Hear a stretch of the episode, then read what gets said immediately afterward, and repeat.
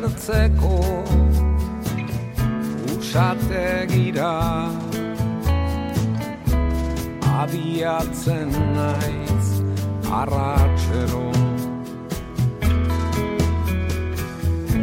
zurezko etxeak aurrak tantzan ederregia zain denaren Mezu baten zain. Ene gogoko erantzun ezin ukana. Mezulariak noiz elduko baiezkoan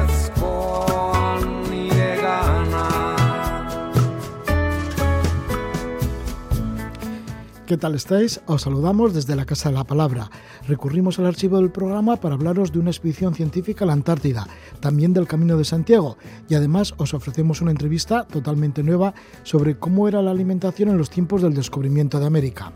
Para empezar, vamos a escuchar a la periodista Rosa Martín Tristán. Ha tenido como misión llegar a la Antártida y reportar la labor de los científicos en las dos bases españolas situadas en este continente de hielo. Navegó en el buque oceanográfico Esperides, estuvo en la base científica Juan Carlos I en la isla de Livingston y luego también en Gabriel de Castilla en la isla de Decepción. Una entrevista que le emitimos el 19 de abril de 2020. La recuperamos. Y luego vamos a recordar a Joshua Arteche, un gran apasionado del Camino de Santiago. Peregrino entusiasta, en el momento en el que le hicimos la entrevista, era febrero de 2019, era su camino número 25.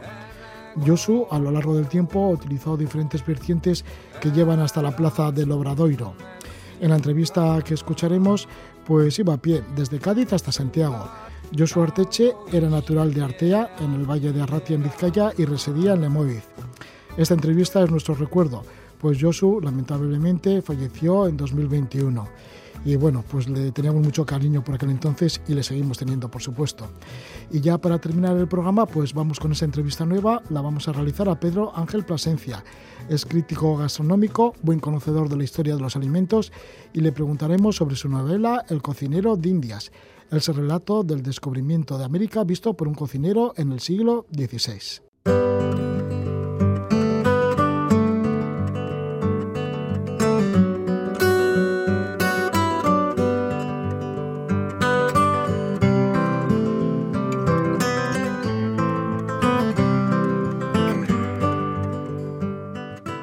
Pero ahora mismo nos tiramos hacia la Antártida. Y así estamos con nuestra invitada Rosa Martín Tristán, que nos va a explicar su estancia, su reciente estancia allí en la Antártida. Le damos la bienvenida. ¿Qué tal estás? Muy buenas noches, Rosa. Hola, ¿qué tal? Buenas noches a todos. Rosa, que eres periodista especializada en temática científica, medioambientalista y de viajes. Eres coautora junto con Eduard Carbonell del libro Atapuerca, 40 años inmersos en el pasado. En mayo del año pasado te fuiste hacia el área protegida de Sanga Sanga en la República de Centroáfrica, un espacio natural donde destacan los elefantes y los gorilas de montaña, lo contaste aquí también en el programa, un parque que está dirigido por el biólogo Luis Arran. Y esta vez, Rosa, pues te has ido a la Antártida. Vaya contraste, ¿no? Lo que viviste hace un año con lo de irte a la Antártida. Digo, República Centroafricana y las selvas del corazón de África a la Antártida. Pues sí, la verdad es que son dos bueno, es dentro del mismo mundo porque tenemos una, un planeta Tierra que es tan biodiverso y tan espectacular que, que bueno, pues te, te permite conocer, a, a, a, algunas personas nos permite conocer espacios tan distintos como puede ser una selva tropical, puro bosque y bueno, muchísima fauna y luego ir a un mundo de los hielos donde también hay muchísima fauna salvaje pero que no tiene nada que ver, claro, con, con elefantes y gorilas, sino que allí lo que hay son sobre todo pingüinos, ballenas, leones marinos, bueno, pues eh, y plantas poquitas. Rosa, ¿y qué supone para ti, una periodista dedicado al tema científico y medioambientalista y además de viajes, eso de irte hacia la Antártida? Porque tiene que ser como una de las grandes metas. Pues la verdad es que sí, que mm, fue, bueno, esto es una convocatoria que hace el Comité Polar Español al que se pueden presentar periodistas con un proyecto de divulgación. Y bueno, era una cosa que tenía ya ahí desde hace muchísimo tiempo, llevo ya muchos años dedicada a la divulgación científica. Y en una ocasión estuve a punto de ir eh, cuando se celebró el Año Polar Internacional, al final no pudo ser y tenía ahí esa espinita y dije, mira, a ver si de esta lo, lo consigo, ¿no? Entonces presenté un proyecto de comunicación y divulgación de lo que es la campaña, que es de lo que se trata de dar a conocer qué es lo que hacen los científicos españoles en ese lugar tan alejado que está a más de 13.000 kilómetros de distancia de nuestro país. Y bueno, pues mm, tuve la fortuna de, de que mi proyecto les pareció bien y fui una de las cuatro periodistas seleccionadas para participar en la campaña de este año, ¿no? Desde qué puerto te embarcas una vez que ya estás en América eh, y además te embarcas en el buque oceanográfico Spiridis, rumbo hacia la Antártida. ¿Cuál fue ese puerto? Bueno, pues yo llegué hasta Ushuaia, o sea, bueno, me, en realidad llegué a Punta Arenas, que está en Chile, pero de ahí mm, me apetecía además conocer un poco de La Pampa y entonces fui en autobús, 800 eh, kilómetros que hay que, que cruzar La Pampa hasta llegar desde la ciudad chilena de Punta Arenas hasta la ciudad argentina de Ushuaia, donde estaba el buque Espérides, ¿no? Que, bueno, de hecho era como que terminaba la primera parte de la campaña científica española que había empezado en diciembre, o sea, las bases se abrieron en torno a, al día de Nochebuena, por ahí es cuando abrieron las, las bases, las dos bases españolas, había ido en esa primer en, en, esa primera fase ya un grupo de científicos españoles con distintos proyectos y cuando yo estuve, que ha sido en febrero, pues en febrero y parte de marzo, pues justo ese grupo volvía, el Esperides llegaba a Ushuaia, dejaba ese grupo de científicos y recogía al segundo grupo que iba a estar ya hasta el final de la, hasta el final de la campaña, ¿no?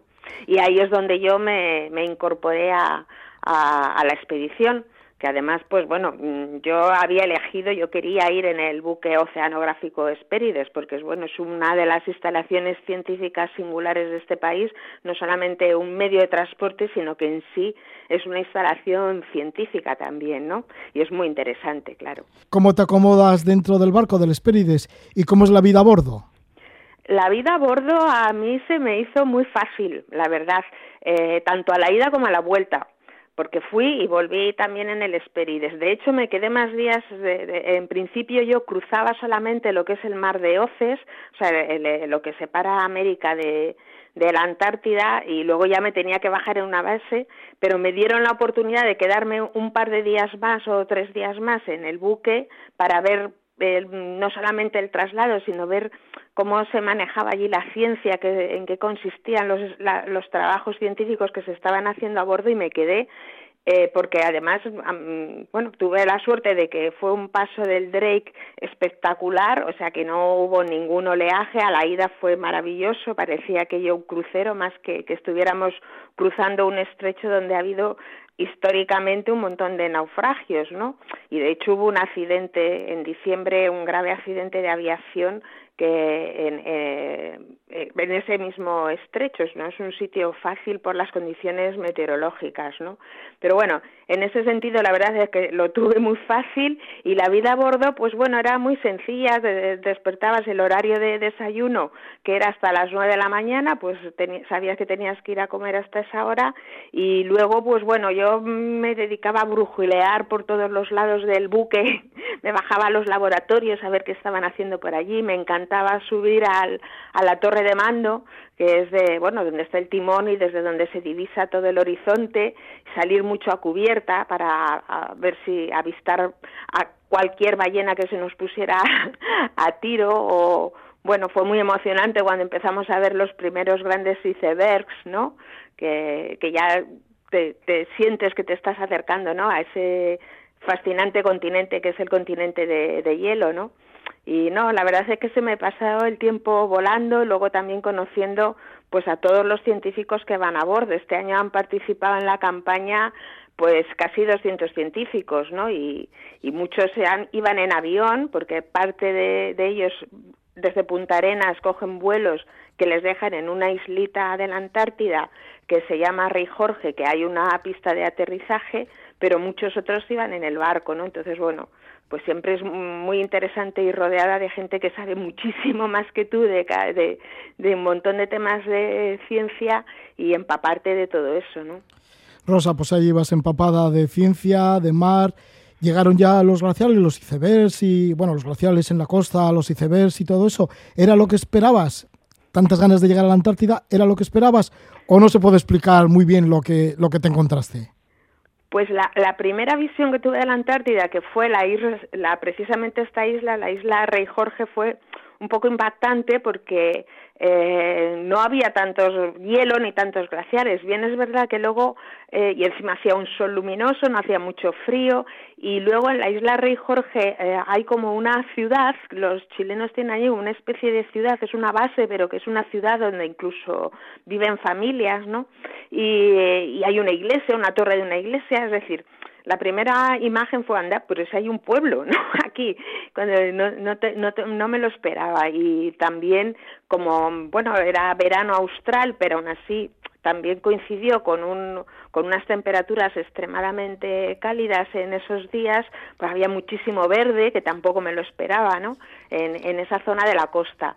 Luego ya una vez que te vas metiendo ya hacia las zonas donde están las bases españolas, pues efectivamente ya empiezas a ver gigantescos glaciares y bueno, el, el aspecto cambia totalmente, ¿no? ¿Cómo son estas dos bases españolas, la Juan Carlos I, que se encuentra en la isla de Livingston, y la de Gabriel de Castilla en la isla de Excepción?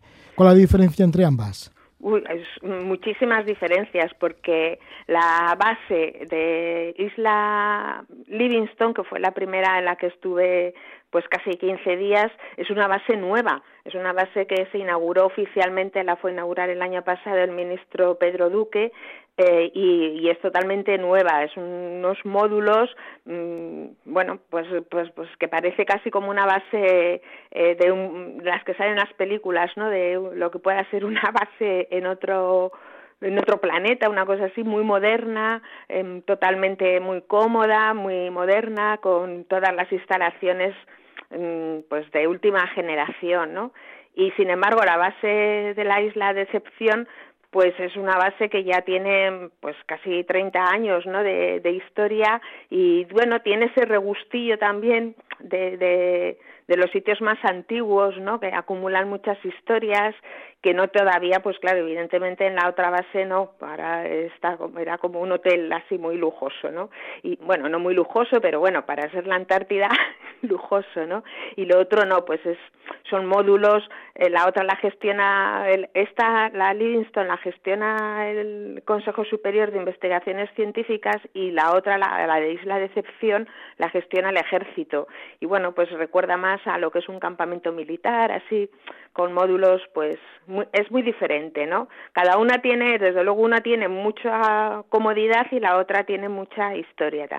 Son distintas, pero pero la verdad es que tanto en la una como en la otra al final se me escurrían los días entre las manos de, tantas cosas como quería ver y, y decía no me da tiempo. Así que se pasa el tiempo rápido en la Antártida, que se supone que es un sitio tranquilo, apartado de todo, sin embargo hay mucho que hacer. Bueno, la verdad es que sí, porque hay muchos sitios que conocer por los alrededores de las bases y los científicos, algunos están en los laboratorios, pero la mayoría están por ahí haciendo, recogiendo datos, recogiendo muestras de historias y bueno, yo me enganchaba cada vez que había una salida con unos para ir a hacer algo, pues allá que, que me enganchaba, ¿no? Para como una lapa, yo me voy ahí a ver eso, ¿no?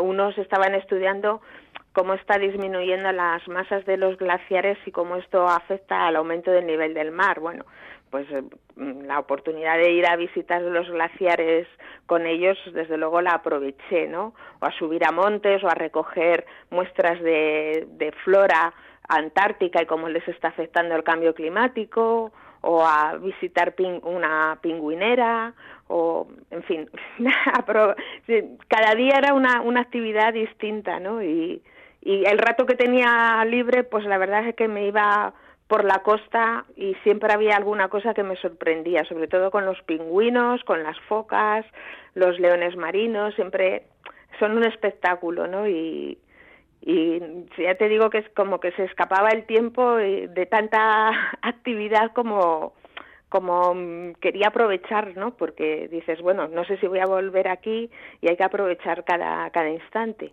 Rosa, ya que lo has nombrado, ¿cómo afecta el cambio climático a la flora del lugar, de la Antártida? Pues eh, les está afectando porque están empezando a llegar especies invasoras.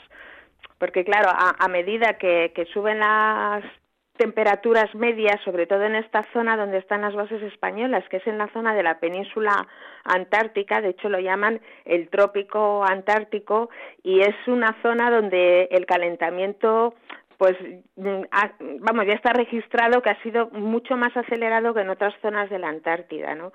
Entonces esto provoca que especies que no tendrían por qué adaptarse a llegar allí, pues estén adaptando.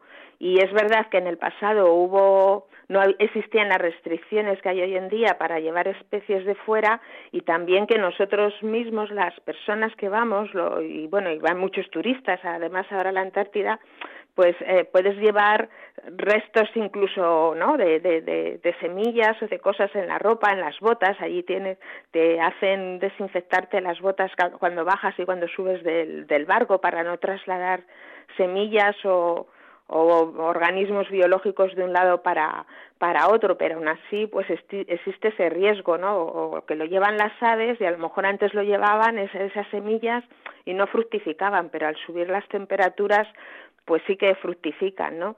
Y bueno, pues eh, al, al expandirse estas nuevas especies, ¿qué pasa? Que las especies adaptadas al clima antártico pues pueden ir perdiendo terreno, ¿no? Y bueno, eh, ese es un poco el riesgo que está pasando, ¿no? Y de hecho había gente que estaba ahí estudiando estas plantas porque el hecho de que estén adaptadas a climas muy extremos eh, les confieren, bueno, eso es porque tienen unos genes muy especiales, ¿no? que corren el riesgo de desaparecer si finalmente llegan especies invasoras y se uniformiza todo, ¿no? Especies invasoras, plantas invasoras en la Antártida. ¿También han llegado allí los plásticos que están por todo el planeta? Pues la verdad es que sí. O sea, cuando paseas aquí por las playas y ves plástico y dices, bueno, aquí en la Antártida no me voy a encontrar absolutamente nada. Pues la verdad es que me llevé un disgusto porque un día que estuvimos visitando una caleta de, en Isla de Decepción, bastante alejada de todo, y yendo por la playa, pues me encontré trozos de plásticos, bueno, me encontré una botellita de plástico, me encontré una tapadera, nada comparable a lo que te encuentras aquí en cualquier playa, pero que allí, pues no te lo imaginas, eh, ¿no? Porque piensas que estás a miles de kilómetros y en un continente que está rodeado por una corriente, que es la corriente circumpolar antártica, que en teoría la debiera proteger de este tipo de basura, pero no es así. Bien es verdad que van muchísimos turistas ahora a la Antártida y el riesgo de que cosas se les caigan, no digo ya voluntariamente o como sea, pues es mayor. También se han encontrado muchísimos microplásticos que al final sí que están llegando, ¿no? Y que, bueno, se han encontrado hasta en las heces de los pingüinos, ¿no? Se han encontrado microplásticos de, y microfibras de nuestra ropa, de la ropa que lavamos, ¿no? O sea que, por desgracia, es una invasión la de los plásticos que está absolutamente en todos los sitios. De hecho, esta semana pasada escribí un artículo que también en el Ártico, hasta ya no en zonas costeras, sino en un lago interior del Ártico, han encontrado en los sedimentos de ese lago fibras eh, también plásticas. O sea, es que está, es imposible. Ya es una epidemia que tenemos que intentar luchar contra ella, desde luego a base de disminuir el consumo, incrementar muchísimo el reciclaje y ser conscientes de que de que estamos ya afectando hasta lugares eh, que están tan lejos de nuestra actividad diaria que parece que, que, no les vamos a afectar, pero es que sí que lo estamos haciendo. ¿Cómo te ha llamado la atención los animales? ¿Qué tipo de animales te has encontrado? Bueno, ya has nombrado varias veces los pingüinos. Sí, bueno, los pingüinos es que me fascinan, la verdad, porque son pues divertidos, eh, interactúan mucho entre ellos y bueno, pues pues el estar siguiéndoles y observándoles sus formas de relacionarse entre ellos, de unos grupos con otros, de unas parejas. Había, ahora cuando yo he estado, pues eh, muchos eran polluelos porque ya estaban, eran crías un poco crecidas, los padres pues ya se han ido y ellos están em, empezando a nadar y a moverse y, y bueno, pues la verdad es que era, era un espectáculo el, el verles. Y luego, bueno, pues también había mm, pues mm, focas Wedel, focas leopardo, que bueno, estas son bastantes más peligrosas. De hecho, tuvimos algún encuentro con alguna de ellas que hay como que mantenerles la distancia y mucho respeto porque se sabe que incluso han, han, intentado atacar a algunas personas y bueno, vimos cómo se devoraban un pingüino un día mientras desayunábamos en la base por la ventana, mira, mira, ¿qué, qué, qué pasa ahí? ¿Qué pasa ahí? ¿no? Y, se estaban merendando un pingüino en, en nada de tiempo, ¿no? Y, eh, o sea, que, que esas eran carnívoras y bastante peligrosas. Y bueno, luego también había eh, leones marinos que, bueno, pues también tenías que mantener cierta distancia con ellos porque si pasabas entre ellos y la costa se mosqueaban un poco, ¿no? Y, y bueno, pero en realidad lo que más me fascinaba de, ver toda esta fauna es que, por ejemplo, cuando estuve el año pasado en África o en otras ocasiones, los animales tienden a huir, ¿no? De, de los seres humanos, sobre todo cuando vamos andando y allí, pues no, es que puedes estar te decían, intenta mantener la distancia siempre de 10 metros para no afectarles, pero es que se venían hacia ti los pingüinos y, y no te dabas cuenta y lo que creías que era una roca era un león marino y no sé, y ellos no se mueven de donde están, eh, te miran y, y tú sigues, ¿no? Les haces unas fotos o no. Entonces, bueno, eso te, te impacta mucho, ¿no? El poder estar tan cerca de tantísima fauna salvaje como hay allí y, eh, y como que no, no, no pasan de ti, no, no les afecta el que tú estés cerca, ¿no? Siempre, claro, que mantengas unas distancias y el respeto, ¿no? Bueno, pues muchísimas gracias por estar con nosotros, Rosa Martín Tristán, periodista especializada en medio ambiente, en ciencia, que has tenido la oportunidad de acercarte a la Antártida. Lo has hecho en el buque oceanográfico Espírides y te has acercado a Isla Livingstone y también a Isla Decepción, en donde en ambas islas pues hay mmm, bases científicas españolas y has compartido con los, con los científicos. Muchísimas gracias por trasladarnos esta experiencia, Rosa. Nada, muchísimas gracias a vosotros y, y nada, yo seguiré contando. Sí, ahora, bueno, ahora lo de los viajes va a estar un poco más complicado, pero espero sí. que en algún momento podamos seguir conociendo espacios maravillosos y podérselos contar a la gente. Así que muchísimas gracias. Pues que sea así, Rosa. Muchísimas gracias, Rosa Martín Cristán. Adiós. Chao. Buenas abrazo. noches. Chao. Buenas noches.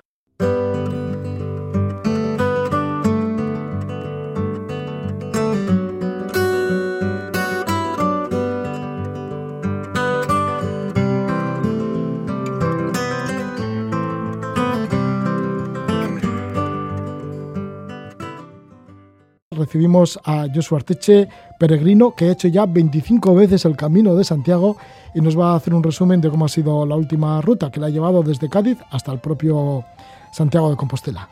Gabón, muy buenas noches. Gabón Roje, Gabón Anzule. Tendrás muchos amigos porque tantas veces has hecho el Camino de Santiago que ya será para ti el camino como muy familiar. Pues la verdad que sí, que tengo bastantes amigos por todo lo que es la zona y el último tramo del Camino francés todavía mucho más muchos más amigos. ¿Y alguna vez incluso has estado como colaborador o voluntario en alguno de estos albergues? Sí, suelo estar de, de hospitalero. ¿De bueno, hospitalero? Estado, hospitalero es la persona que se encarga de asesorar al peregrino. Cuando llega el peregrino al, al albergue, el que le atiende, le da consejos, le indica todo lo que falta y bueno, un poquito la explicación que le da de todo, de, de toda la zona, ¿no? Y bueno, he estado en, suelo estar, mejor dicho, en el albergue de Rabanal del Camino, que está cerca del punto más alto del camino de Santiago, que es la Cruz de Ferro. Es una aldea pequeñita y me suelo quedar ahí en un albergue que se llama el albergue El Pilar, que es un albergue muy, muy emblemático dentro del camino porque tiene un sentido de la acogida especial, diría yo. Y llevo ya, lo conocí un año después de su apertura, y se abrió en el, 2000, en el 1996, yo lo conocí en el 97, que fue cuando realicé mi primer camino, y desde entonces mantengo una relación eh, casi, casi, casi familiar con ellos. El primer camino en 1997 y ya hemos dicho, ya has hecho 25 caminos. ¿Por qué te gusta tanto el camino? ¿Cómo te has imbuido tanto también de la cultura del, del camino, del espíritu de ese del camino de Santiago? Bueno, pues mi primer camino, como, como bien dices, eh, fue en el 97.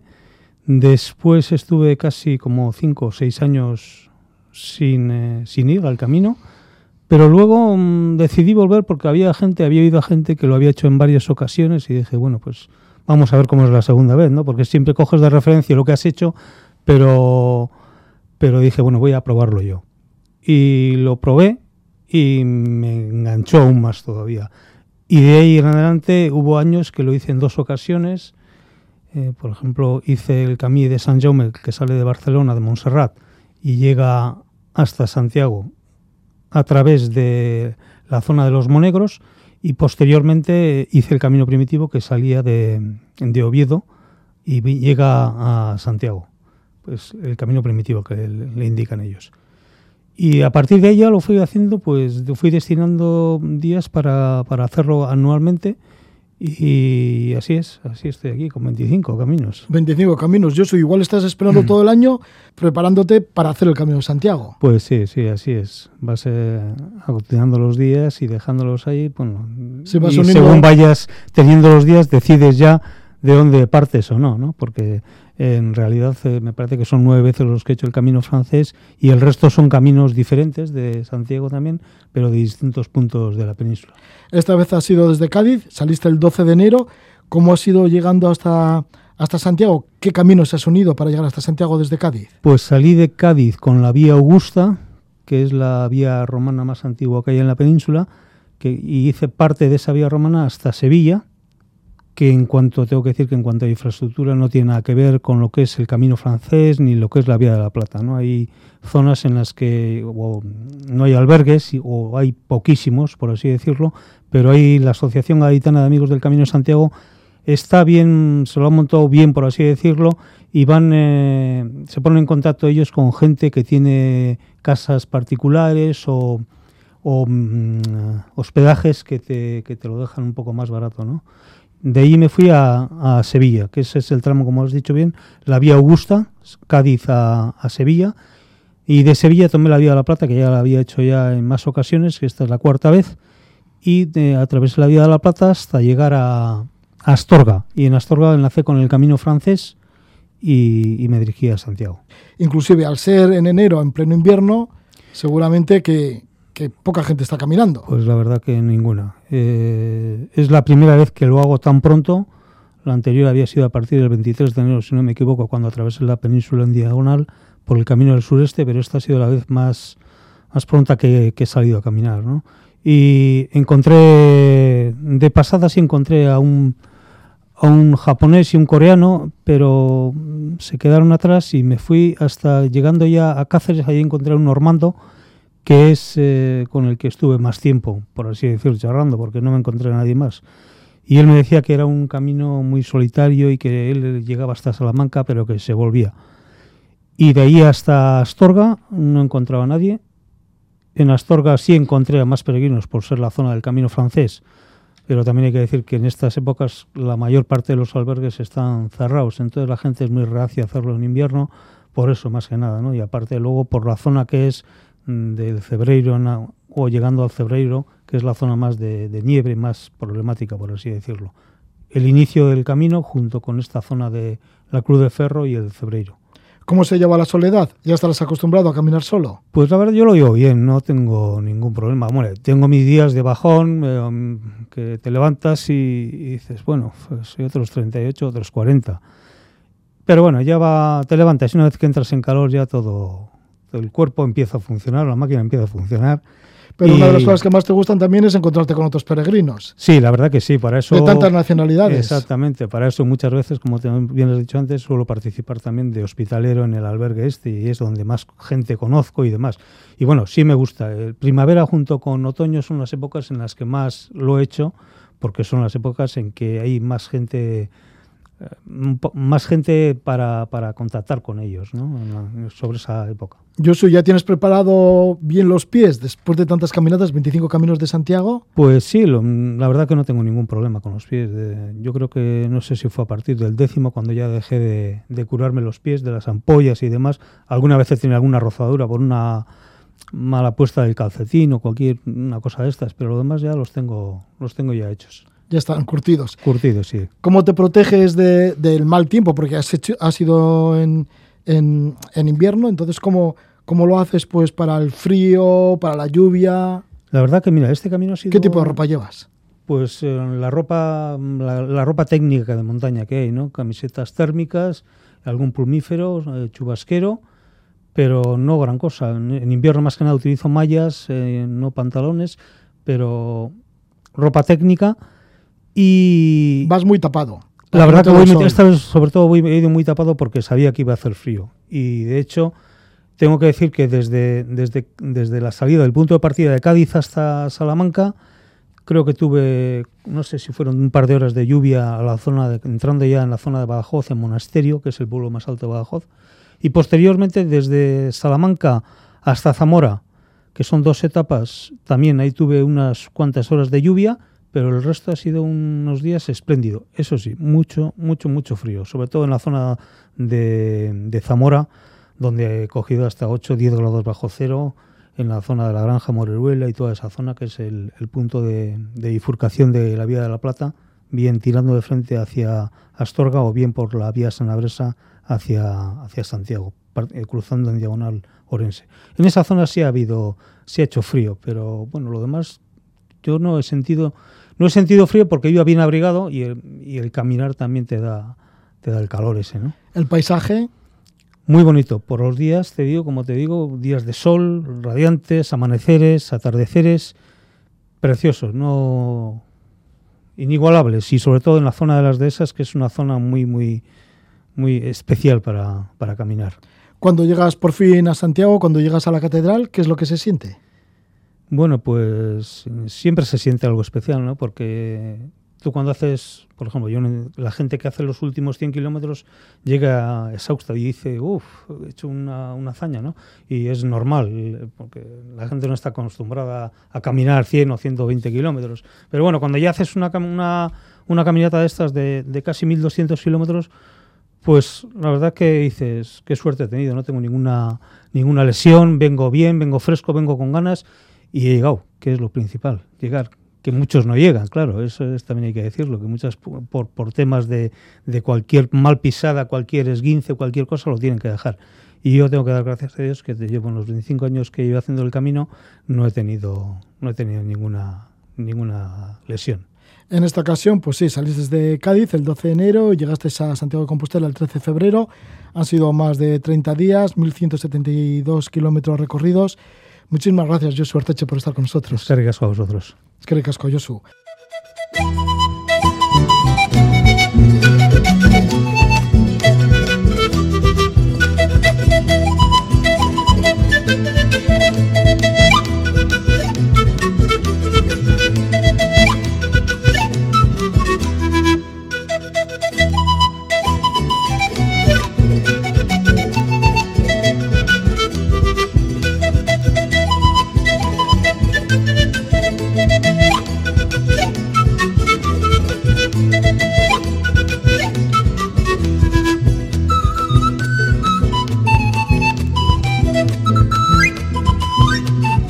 Música andina interpretada por el grupo Sukai. Nos vamos a América, pero vamos a conocer la América de la conquista, de los descubrimientos. Lo hacemos a través del escritor Pedro Ángel Plasencia, escritor, jurista y crítico gastronómico, autor más de una docena de libros sobre historia de la gastronomía. Lleva muchos años leyendo a los cronistas de Indias, fruto de ello tiene dos libros de ensayo, episodios gastronómicos de la conquista de Indias y gastronomía precolombina. Ahora publica la novela El cocinero de Indias, sobre el descubrimiento de América vista por un cocinero. Se trata de Mateo Alegre, el protagonista, joven esclavo mulato, cocinero del cronista Gonzalo Fernández de Oviedo. Zarpó del puerto de San Lucas de Barrameda allá por el año 1514 rumbo al Nuevo Mundo. Iban hacia el Darién, en la actual Panamá. Con 74 años, relata sus memorias por América y estas memorias son esta novela, El cocinero de Indias. Damos la bienvenida a Pedro Ángel Plasencia. Buenas noches, Pedro. Hola, buenas noches, Roge. ¿Por qué es un esclavo de nacimiento tu protagonista? Pues porque era hijo de, de, de esclavos, ¿eh? su padre fue tomado en la guerra de Granada y él ya nació en, en Madrid, en la casa del, del, notario Gonzalo Fernández de Oviedo, esto es histórico, ¿eh? y por lo tanto pues nació ya con, con la esclavitud como condena. En el siglo XVI se vendían esclavos y, bueno, y también en otras épocas, ¿no? Por ejemplo, sé que en San Sebastián también había ese mercado de esclavos. Pero tú hablas el de las gradas de la Catedral de Sevilla, que era el mercado central de esclavos más importante que creo que había en toda España. Sí, porque de Sevilla partían eh, eh, la, flota de, de Indias, ¿no?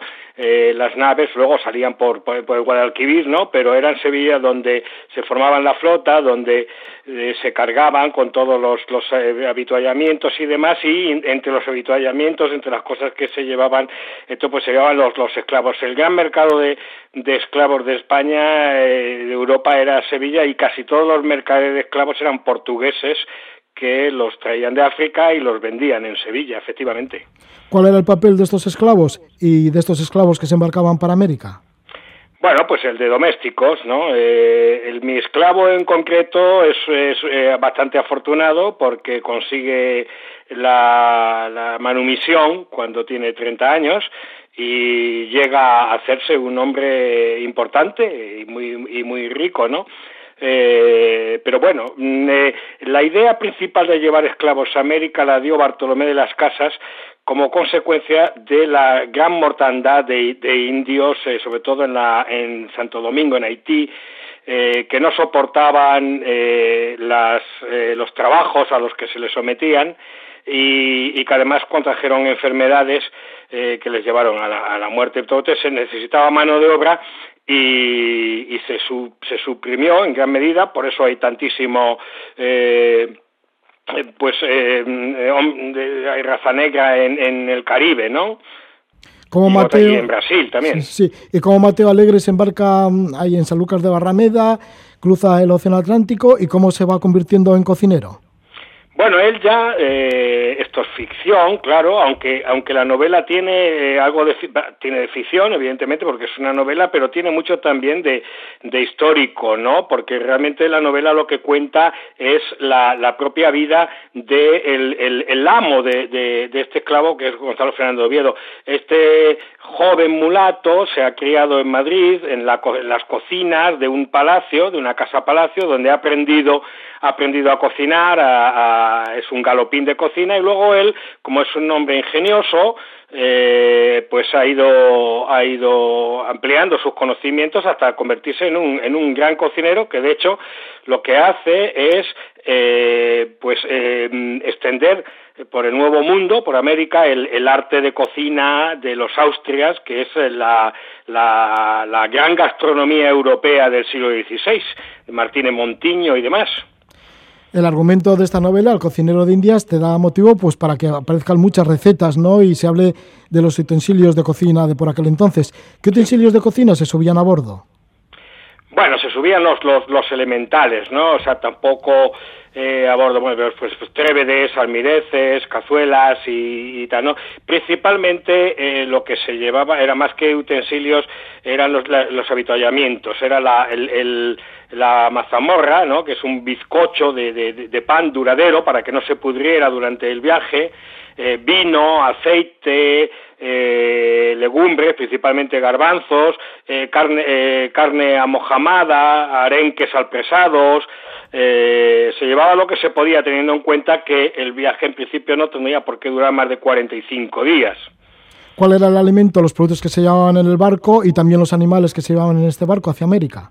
Pues sí, animales se llevaban, eh, se cargaban en La Gomera, porque eh, los barcos, como digo, salían de San Lucas de Barrameda, de Puerto de Palo, vamos, de, salían de Sevilla, por, el, por, el, Sanlúcar, y, eh, pero en La Gomera, en la isla de La Gomera, es donde se cargaban ya los animales, porque hay que tener en cuenta que en, en los primeras, las primeras décadas del siglo XVI en América no había animales ningunos de, renta, quiero decir que no había ni ganado ovino, no había ovejas, ni, ni, ni cabras, ni cerdos, ni vacas, ni, ni, ni, nada. Entonces, todo esto, estos animales se cargaban en la gomera, igual que las semillas de las plantas que, que se implantaban allí, porque tampoco había cereales, salvo el maíz, había que llevar pues semillas de, de, de, trigo, de cebada, eh, en fin, eh, todo lo que de lo que eh, por supuesto tampoco había aceite,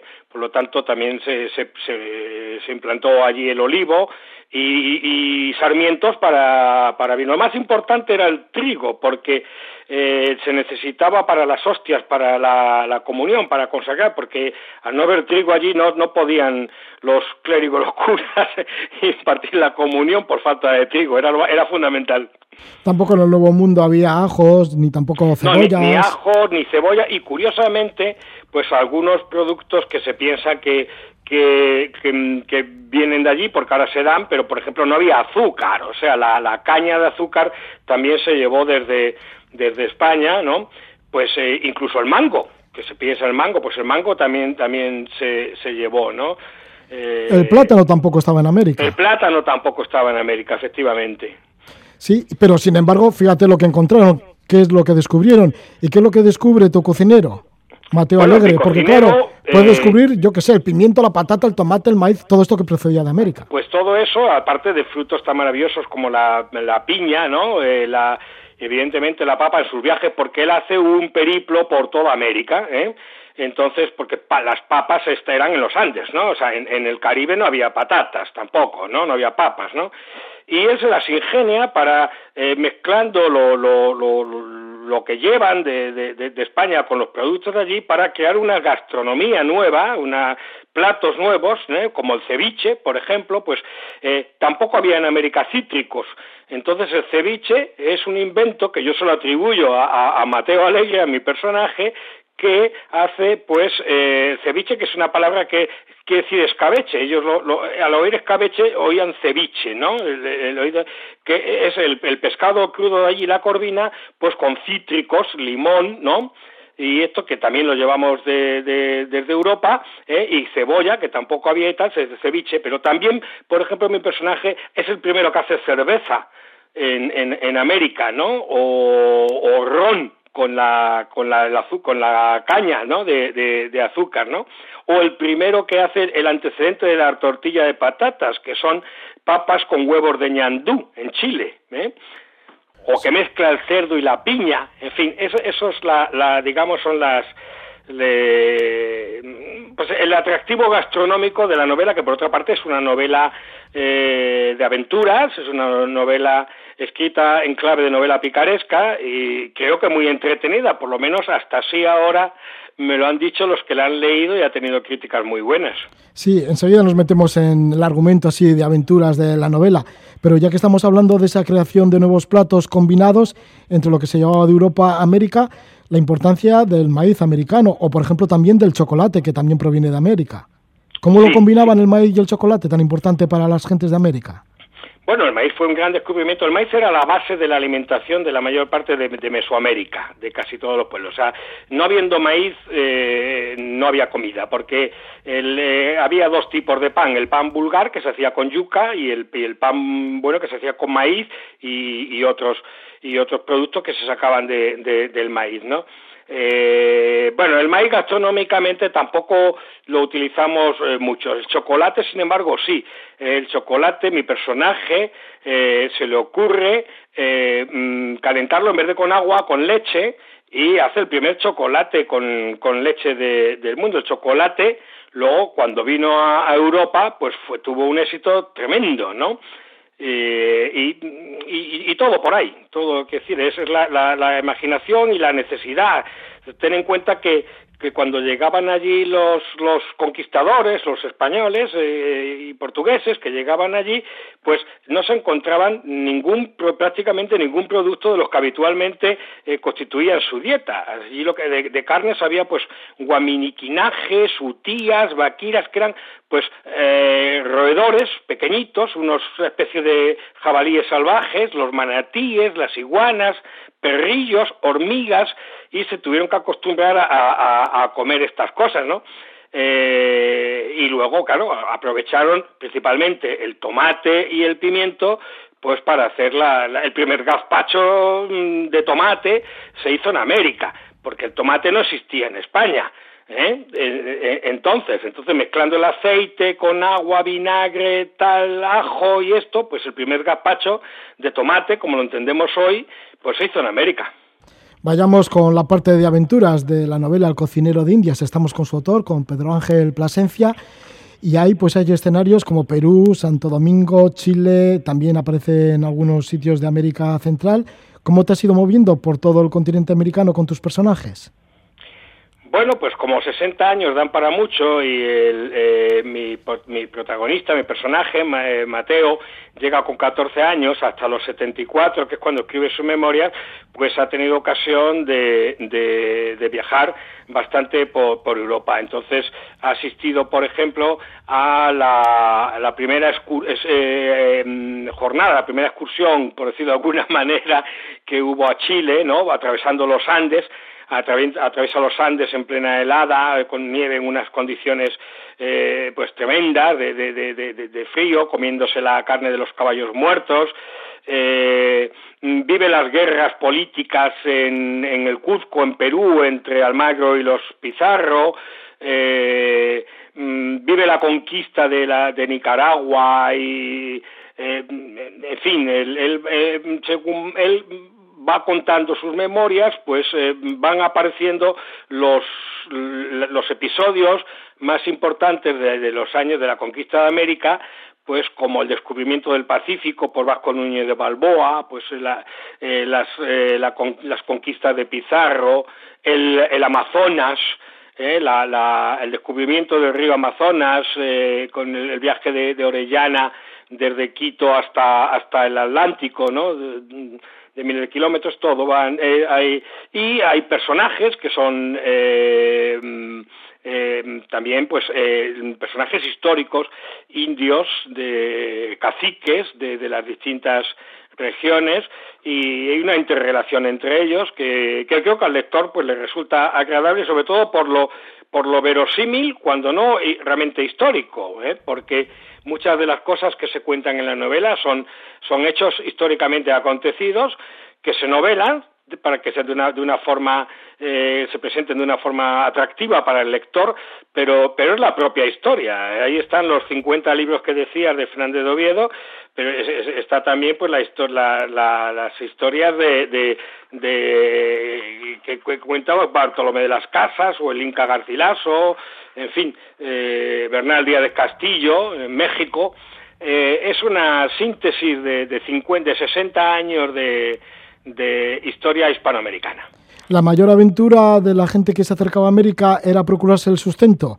En Europa también era toda una proeza mm, comer todos los días, ¿no? Pero como era en América, era eso, algo... Mm, había, había bueno, pues tan necesario como para arriesgar mucho la vida y así. Pues sí, sí, bueno, y aquí en Europa hay que tener en cuenta una cosa, que en el norte de Europa, en los años malos que hubo, en Irlanda, en Inglaterra, lo que salvó de la hambruna a, muchísimos cientos de miles de personas fue precisamente la introducción de la patata, ¿eh? Eh, que hubiera sido de Irlanda sin la patata, que, se empezó a cultivar traída de América por los españoles, en el siglo XVII se empezó a cultivar en, en, Irlanda pues allí igual, allí eh, dependían, dependían tantísimo, tenían tan pocos recursos naturales, no digo en todas las zonas, ¿eh? porque México, por ejemplo, tenía más, más recursos naturales, o incluso el Cuzco, ¿no? Pero, pero básicamente dependían mucho de la cosecha de maíz, y si la cosecha de maíz no era buena, eh, al no tener eh, mm, proteínas cárnicas eh, suficientes, porque no había ganado, esto es lo que justifica, según Bartolomé de las Casas, el canibalismo, como una necesidad en algunos pueblos de que, de que al, no, al no disponer de, de suficientes proteínas, pues, pues, pues se veían casi forzados a la antropofagia. Estamos con Pedro Ángel Plasencia, autor de esta novela, El cocinero de Indias. Ahí mezcla su apartado de crítico gastronómico con su afición a los cronistas de Indias, lo junta todo y aparece un libro lleno de recetas de por aquel entonces. Estamos hablando del siglo XVI, esas recetas, esos platos combinados entre, que entre los barcos, lo que llevaban los barcos hacia América y lo que encontraban la gente que iba de Europa hacia América, lo que encontraban allí de alimentos. Bueno, pues todo un descubrimiento para unos y otros y todo ello pues adornado además con un montón de aventuras en esta novela, El cocinero de Indias, El cocinero de Indias, que lo edita el grupo editorial Insólitas. Muchísimas gracias por estar con nosotros, Pedro Ángel. La editorial Lacre. de la editorial Lacre. Bueno, pues muchísimas gracias por estar con nosotros. Que vaya muy bien. Gracias a ti, Roge. Un abrazo.